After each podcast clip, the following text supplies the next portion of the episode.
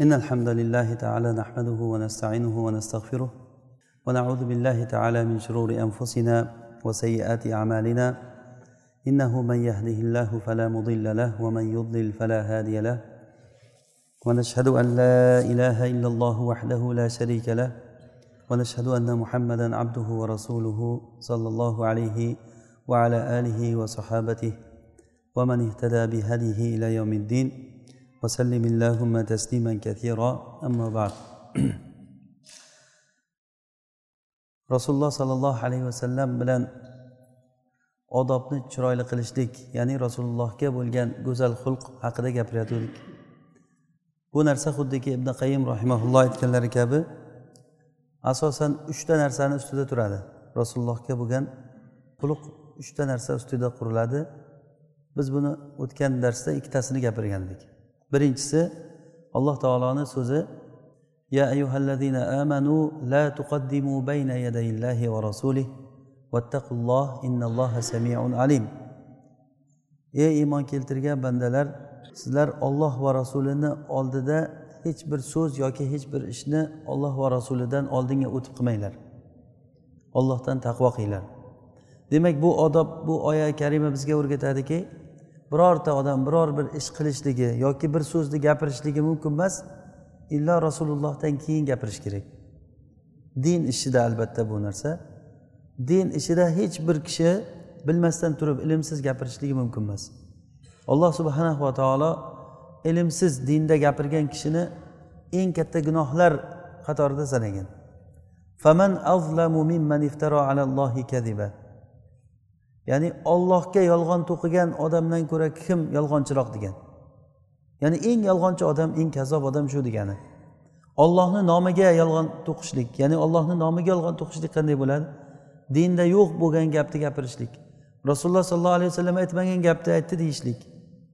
Bu narsaga ko'pchilik kishilar bu narsaga ko'proq jur'atlik bo'ladi. Ya'ni bu narsa albatta aksar holatda ularning johilligi sababli bo'ladi.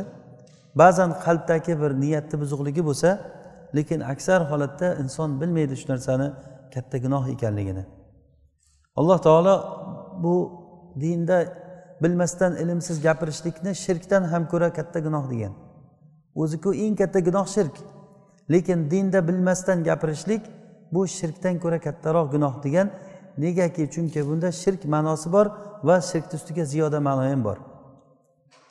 قل إنما حرم ربي الفواحش ما ظهر منها وما بطن والإثم والبغي بغير الحق وأن تشركوا بالله ما لم ينزل به سلطانا وأن تقولوا على الله ما لا تعلمون ya'ni bu oyatda gunohlarni alloh taolo kichigidan kattasiga qarab olib ketyapti tartib bilan ya'ni pastdan tepaga qarab sanash hisoblash degani bu alloh taolo gunohlarni fahsh ishlarni zohir va maxfiy bo'lganlarini harom qildi Va gunoh ism ya'ni shariatda yo'q bo'lgan shariatda harom qilgan narsalarni qilishlik harom narsalarni. Va bag'iy va zulm birovga zulm qilishlik. Bu harom bo'lgan narsani qilishdan ziyoda narsa zulm qilishlik. Zulm qilishlikda ham harom ish bo'lyapti ham yana boshqa bir kishini haqqiga o'tib ketish bo'lyapti. Bu oldingisidan ko'ra fahsh ishlardan ko'ra yuqoriroq. Va an tushriku billahi ma lam yunazil bihi sultona va alloh taologa shirk keltirishliklaring alloh taolo hech bir unda dalil tushirmagan narsada u narsada hech qanday bir sulton tushirmagan. Sulton degani alloh taolo unga ruxsat bermagan. Mana shunda alloh taologa shirk keltirishliklaring va oxirgisi eng kattasi va antaqulu alallohi ma la ta'lamun. Ollohni nomiga bilmagan gaplaringni gapirishliklaring. Mana bu narsa juda ham katta gunoh kabiralardan bo'lib ham shirkdan ham ko'ra katta bo'lgan gunohlardan. Demak mo'min kishi muhammadu rasululloh degan odam rasulullohdan so'zini oldinga qo'yishligi mumkin emas. Imom shofiy rahimaulloh o'zlarining risola kitobida usul fiqda birinchi bo'lib yozilgan kitob. Mana shu kitobda aytganlarki musulmonlar ulamolar ijmo kelgan masala shuki biror bir kishi rasulullohni so'ziga uni so'zi teskari kelsa uni so'zi olinmaydi rasulullohni so'zi olinadi degan. Bunda xilof qilgan odam yo'q. Musulmon ummatini ichida hech bir kishi mana shu mana shu gapga xilof qilmagan. Kimniki gapi agar rasulullohni so'ziga teskari kelsa uni gapi olinmaydi. Nega deganda imom shofiy rahimaulloh shuni bayonini aytib berganlar. Chunki alloh subhanahu va taolo rasulullohni o'zi rasul qilib yubordi. Rasulullohni so'zlarini ulug' maqomga qo'ydi. Hattoki rasulullohga bo'lgan iymonni alloh taolo o'ziga bo'lgan iymonni qatorida sanadi. Allazina amanu billahi va rasulihi qur'onda nechta o'rinda keladi? Ollohga va rasuliga iymon keltirgan kishilar deb turib qur'onda agar biz qaraydigan bo'lsak judayam ko'p o'rinlarda rasululloh sollallohu alayhi vasallamga itoat kelgan ya'ni bu bu oyatlarni hammasi bizga bildiradiki hech bir kishi biror bir so'zni biror bir ishni rasulullohdan oldinga qo'yishligi mumkin emas. Ikkinchisi alloh taoloni so'zi ikkinchi odob ya ayyuhallazina amanu la tarfau aswatakum fawqa sawtin nabiy ey iymon keltirganlar sizlar ovozlaringni rasulullohni ovozidan yuqori ko'tarmanglar. Hadis aytilingan paytda siz hadisdan ko'ra men bunday deyman. Menga bu to'g'ri kelmaydi. Men bunga muvofiq bo'lmayman degan gapni gapirgan odam iymonini bir sinab qarash kerak bo'ladi. Chunki alloh taolo ya ayyuhallazina amanu deb aytyapti. Ey iymon keltirgan bandalar rasulullohni so'zidan sizlar so'zlaringni yuqori qo'ymanglar. Sobit ibn qays roziyallohu anhu mana shu oyat tushgan paytda u kishi o'sha oyatni o'zi haqida deb o'ylagan ekanlar. Chunki u kishini ovozlari baland kishi bo'lgan ekan. Ovozlari baland bo'lgan sizlarni amallaring habata bo'lib ketadi. An amalukum va antum la tashurun. Shu oyatni davomida aytyaptiki agar ovozlaringni ko'taradigan bo'lsanglar sizlarni qilgan amallaring hammasi kuyib ketadi habata bo'lib ketadi. O'zlaring bilmagan holatda amallaring kuyib ketadi. Bu oyat sobit ibn qays ibn shammas roziyallohu anhuga juda qattiq teggan. Hattoki uylariga borib uydan chiqmasdan o'zini ustidan quflab olgan. Rasululloh sollallohu alayhi vasallam sobitni yo'qlab qoldilar qani sobit ko'rinmay qoldi deb. Keyin sahobalardan biri men bilib kelaman xabarini deb borsa shu gap uyga kirib turib xafa bo'lib o'tiribdi ekan. Nega xafa bo'lib turibsan deganda men haqimda oyat tushdi. Ovozlaringni rasulullohni ovozidan ko'tarmanglar degan men ovozimni rasulullohni oldida baland baland gapirardim. Bu oyat menga tushgan degan. Meni amallarim kuyib ketdi men do'zax ahlidan bo'lib qoldim deb yig'lab turgan ekan. Shunda bu sahobiy kelib rasulullohga xabar berganda rasululloh sollallohu alayhi vasallam aytdilarki yo'q unday emas. U oyat u haqda emas. Unga xabar beringlar uni gunohlari habata bo'lgani yo'q balki u jannat ahlidan u deganlar. Balki u jannat ahlidan. Ya'ni bu rasulullohni so'zidan so'zlaringni ko'tarmanglar degani bu albatta rasulullohni oldida ovozni pasaytirish ham kiradi bunga. Sahobalar mana shu odob bilan odoblangan edilar. Rasulullohni oldilarida hech bir sahobiy ovozini baland ko'tarmagan. Bu oyatni sababi nuzulida ulamolar aytishadiki abu bakr va umar haqida tushgan deb.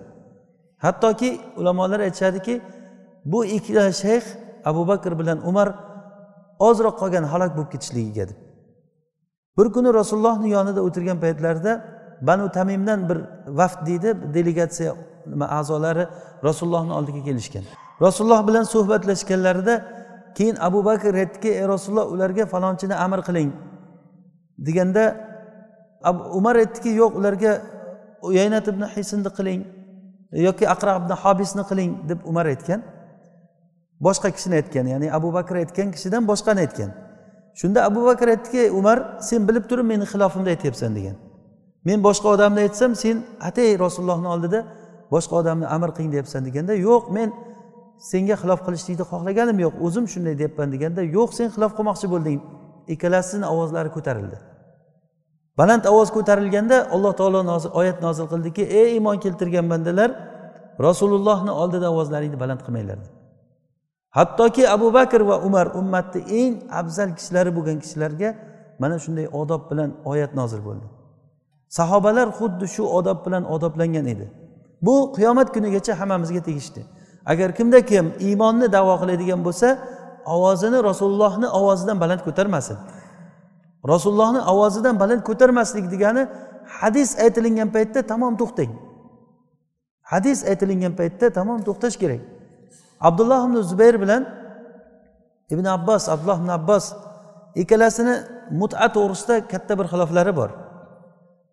Ikkita muta to'g'risida bittasi ayollarni muta qilishlik ya'ni vaqtinchalik nikohga olishlik va ikkinchisi hajdagi muta qilishlik to'g'risida. Ibn abbos ayollarni muta qilishlikni mansux bo'lmagan deb e'tiqod qilar ekanlar. Hatto shuni aytganda ibn abdulloh ibn zubayrga juda qattiq tegan abdulloh ibn zubayr xalifa bo'lgandan keyin bir kuni chiqib aytdiki bir qavm borki abdulloh ibn abbosga tegizib aytgan. Alloh taolo xuddi ko'zini ko'r qilgani kabi qalbini ham ko'r qilib qo'ygan uni degan. Ya'ni ibn abbosni ko'zlari ochizib qolgan bo'lgan. Ibn abbosga aytgan ekanki xalifa bo'lgandan keyin aytgan. Agarda yana shu ishingni gapingni gapirayotgan bo'lsang agar bu ishni birorta bu ishni qiladigan bo'lsang seni o'zingni toshlaring bilan o'zingni toshbo'ron qilaman degan. Ya'ni bu xalifa juda qattiq gapirganligi bu muta mansux bo'lgan. Bu ibn abbosni faqat xilofi bo'lgan keyin qaytgan bu kishi ham bu gaplaridan. Musulmonlar o'rtasida mutani ya'ni muta degani ayollarni vaqtinchalik nikohga olishlik mumkin emasligi bu mujma alayhi musulmonlar ijmo kelgan masala bo'ldi.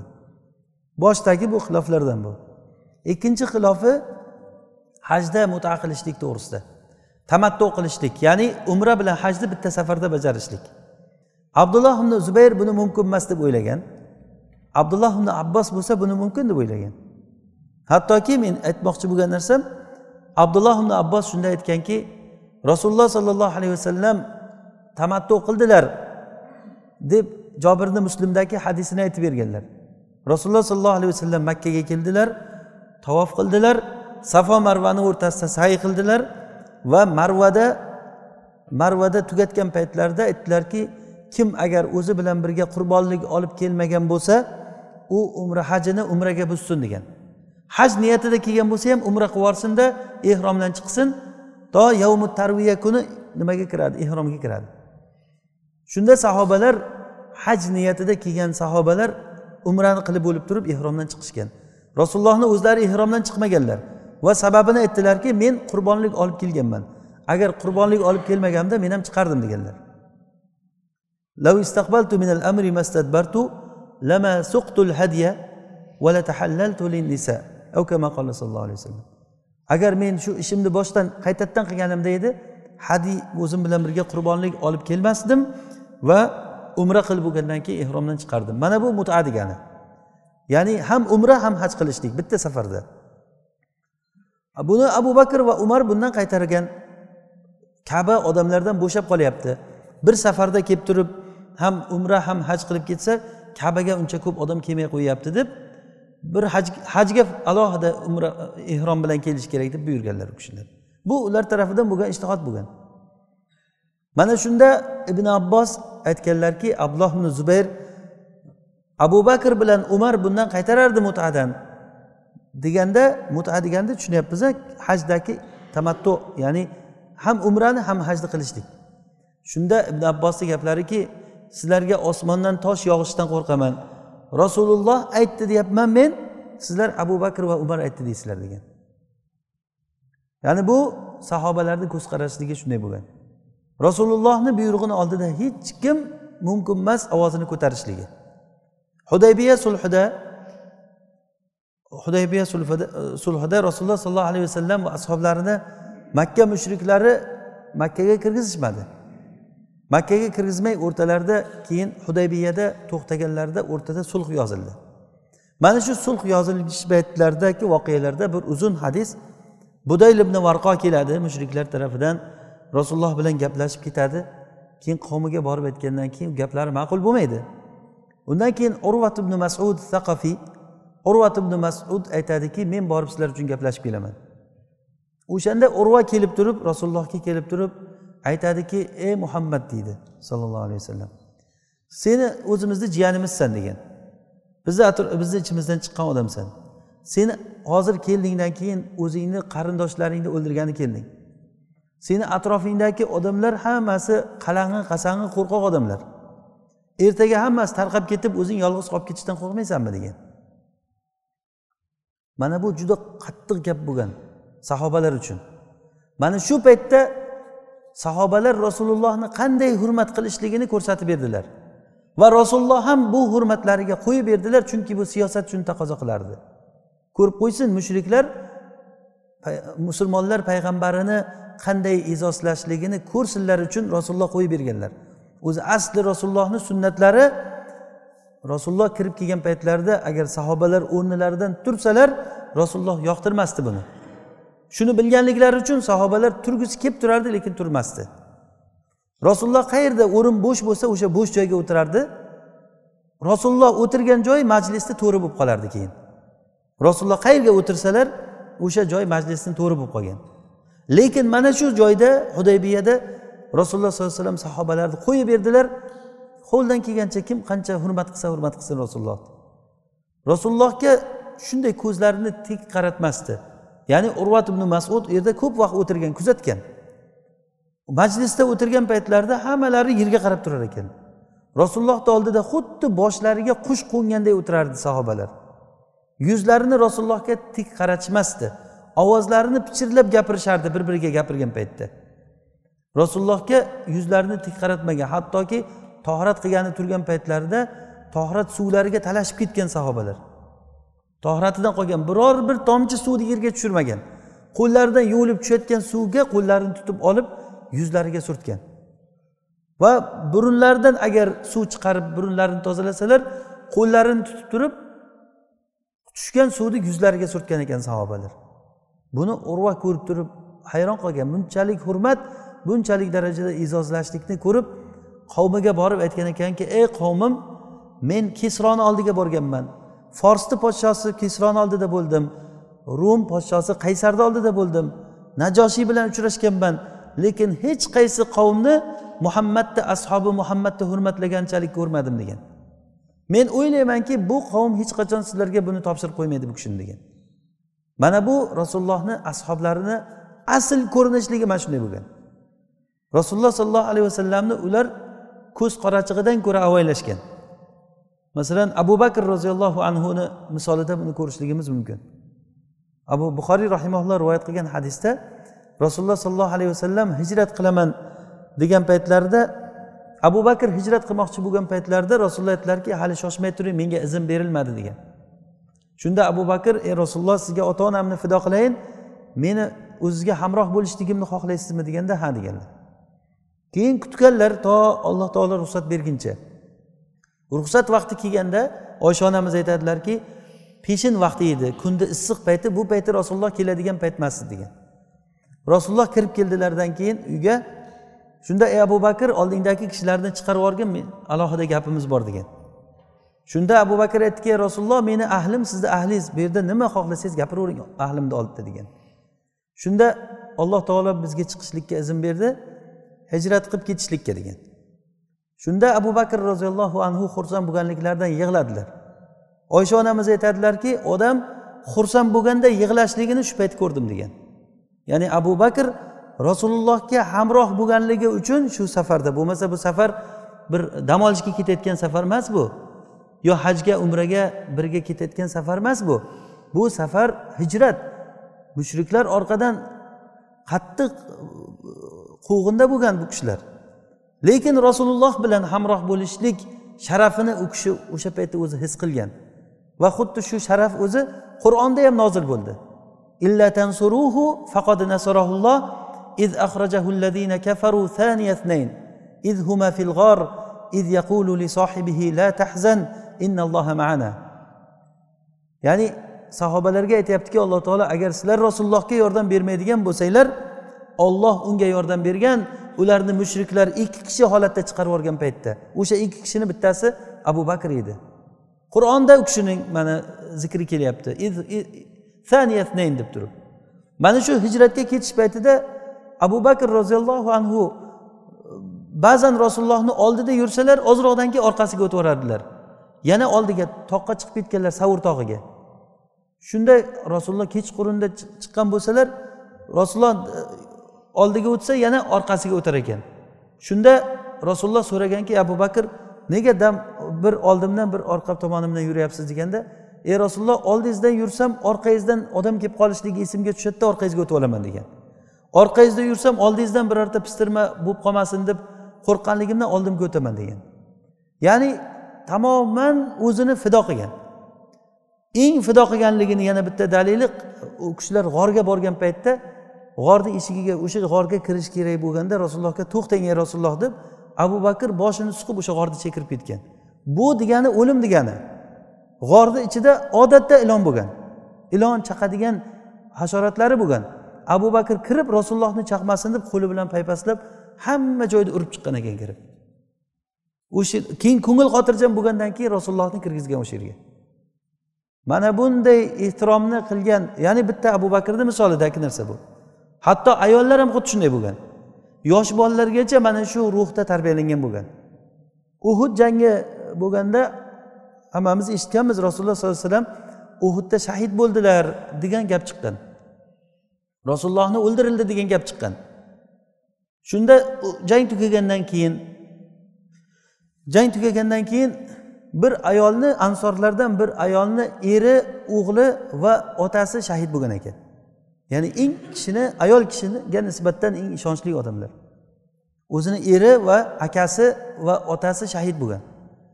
Shunda u kishi to'g'ri askarlarga qarab kelgan paytda seni ering otang o'g'ling shahid bo'ldi deganda rasulullohchi degan ekan. Yo'q rasululloh yaxshilar desa qani menga ko'rsatinglar degan. Seni o'g'ling otang shahid bo'ldi desa rasulullohga nima bo'ldi? deb so'ragan ekan yana. Rasululloh sog'lar deganda men rasulullohni o'ldirildi deb eshitdim. Yo'q rasululloh sog' alhamdulillah rasululloh yaxshi degan ko'rsatinglar degan ekan. Rasulullohni borib ko'rgandan keyin ko'rib ey rasululloh sizdan keyin menga boshqa musibatlar hammasi yengil degan ekan. Ya'ni siz omon bo'lsangiz bo'ldi degan. Mana bu ayol kishini rasulullohga bo'lgan muhabbatini ko'ring. Sahobalar mana shunday holatda bo'lgan. Abdurahmon ibn avf aytadilar buxoriy rahimalloh rivoyat qilgan hadisda badr g'azoti bo'lgan paytda safda turgan paytimizda meni yonimdan qarasam bu yonimda bir yosh o'spirin bola turibdi. Bu yonimda ham yosh o'spirin bola turgan ekan. Haligi ikkita yosh bolalar ansor ansorlarni bolalari bo'lgan. Ikkalasini ham ismi muaz bo'lgan. Shunda biri ey amaki degan abu jahl kim bizga ko'rsatib qo'ying degan. Chunki bular ansoriy bo'lgan ansoriylar abu jahlni tanimaydi. Abu jahl kim deganda nima qilasan abu jahlni deganda abu jahlni men o'ldiraman degan. Chunki rasulullohga qilgan zulmlarni ko'p eshitganman rasulullohga ko'p zulm qilgan ekan bu odam. Men shuni o'ldiraman deb chiqqanman deb haligi ikkovsi ham shu gapni gapirgan. Keyin ozroq vaqt o'tgandan keyin qarasa safni ichida abu jahl gerdayib yurganligini ko'rib haligi bolalarga ho anavi odam sizlar so'ragan odam degan ekan. Abu jahlni ko'rsatib qo'yib urush boshlandi degandan xuddi ikkita lochin uchganday o'sha ikkita bola haligi abu jahlga qarab yugurib ketdi degan. Borib abu jahlni o'ldirib keldi degan. Ikkalasi borib turib abu jahlni o'ldirib kelgan. Rasulullohni oldiga kelib turib men o'ldirdim desa bittasi ikkinchisi yo'q men o'ldirdim der ekan. Rasululloh qilichingni ko'rsat degan bittasi qilichini ko'rsatsa qilichida qon bor ekan. Ikkinchisiga ko'rsatgan unisi ham qilichi qon bo'lgan. Ikkovlaring ham o'ldiribsizlar degan. Ya'ni abu jahl nihoyat darajada pahlavon katta odam bo'lgan. Lekin o'shanday bo'lishini qaramay haligi shijoat rasulullohga bo'lgan muhabbati abu jahlni kimligi ular uchun bir tiyin bo'lgan. Bu sahobalarni farzandlarini shunaqa odamlar bo'lgan. Ayollarni olasizmi o'zlarini olasizmi rasululloh ularni oldida mana shunday e'tiborda bo'lgan. Hozir biz mo'minlar iymonni davo qilgan kishilar rasululloh sollallohu alayhi vasallam biz uchun qaysi martabada turibdilar? Hadis aytilinganda rasulullohni gaplari deyilgan paytda bu boshqacha ta'sir qilishi kerak mo'min odamlarga. Rasulullohni hadisi deyilgan paytda shu joyda to'xtash kerak. Ya'ni olloh rahm qilgan kishilar bundan mustasno aksar odamlarni ko'rasizki rasulullohni hadisi deb aytilinsa o'sha joyda o'zini aytib qo'ygan gapidan qaytishlik uchun izzati nafs qo'ymaydida o'sha gapida davom etadi agar hadis sahiy bo'lsa ham. Rasulullohni hadislari sahiy bo'lgandan keyin birorta bir fikrni agar undan muqaddam qilsa agar kim mana shu oyatga teskari bo'ladi la tuqaddimu bayna yadayillahi va rasuli yoki la tarfau asvatakum fawqa savtin nabiy ovozlaringni rasulullohni ovozidan yuqori ko'tarmanglar degan. Uchinchisi ya'ni birinchisi demak rasulullohni oldida ovoz va ishlarni oldinga qo'ymaslik. Ikkinchisi ovozni rasulullohni ovozidan past qilishlik. Uchinchisi rasululloh sollallohu alayhi vasallamni ehtirom qilishlik ulug'lash. Rasulullohni ulug'lashlik bu bizni ummatchalik hech payg'ambarni ulug'lagan ummatni ko'rmagansiz. Hattoki bani isroilni oling muso alayhissalomni qavmi eng ulug' ummatlardan yoki iso alayhissalomni qavmini aytsangiz ham hozir mana o'qigan oyatlarimizda bani isroil iso alayhissalomga aytdiki ey iso ibn maryam seni robbing osmondan dasturxon tushiraladimi deb so'ragan. Ya'ni ollohdan taqvo qilinglar bunaqa gapni gapirmanglar desa yo'q biz qalbimiz xotirjam bo'lishligi uchun so'rayapmiz bu gapni. Lekin rasulullohni ashoblari biror bir o'rinda bu gapni gapirmagan. Qiyinchilik holatlarida qolgan yeydigan ovqati bo'lmagan. Juda qattiq qiyinchiliklarda qolib ketgan paytlari bo'lgan. Lekin biror og'iz rasulullohga birorta bir maslahat tarzida ham qarshi gapni gapirmaganlar. Bular xuddiki hasanul basriy rahimaulloh aytganlari kabi ular rasulullohni ashoblari shunday odamlardiki ular qalblari eng pok odamlar edi olloh ularni rasulullohga sohib bo'lishlik uchun tanlagan odamlar edi qalblari pok bo'lgan odamlar ilmda juda ham chuqur bo'lgan odamlar edi va takallufi oz bo'lgan odamlar edi aqalluhum takallufa. Takalluf degani o'zida yo'q narsani bor qilib ko'rsatishlik yo'q edi. Bor narsani gapirardilar. Juda ham sodda oddiy voqeiy kishilar bo'lgan ular. Rasululloh sollallohu alayhi vasallamni hurmatlashlik ulug'lashlik mana bu narsa bu bizni iymonimizdan kelib chiqadigan bu vazifa. Rasululloh sollallohu alayhi vasallamni ulug'lashlikni eng katta ko'rinishligi rasulullohni ashoblarini ulug'lashlik bilan bo'ladi. Rasulullohni ashoblariga ta'na qilishlik bu rasulullohga ta'na qilishlik bo'ladi. Chunki rasululloh shuncha yil xizmat qilib shuncha yil da'vat qilib bir o'zidan keyin qoldiradigan odamlari qanaqangi odamlarni tashlab ketgan deb shiyalar ularga alloh taolo tarafidan haqli bo'lgan narsasi bo'lsin. Ular uchun eng yomon odamlar rasulullohni ashoblari bo'ladi. Mana bu bilan ular rasulullohga bo'lgan muhabbatini davo qilmasa ham bo'laveradi. Alloh taolo hammamizni hidoyatlasin. Inshaalloh bu suhbatimizni hali davomi bor alloh taolo bizga foydali ilmlarni o'rgatsin. O'rgangan ilmlarimizdan foydalanishlik alloh taolo nasib qilsin. Subhanakallohumma bihamdik nashhadu an la ilaha illa ant nastag'firuka va natubu ilayk.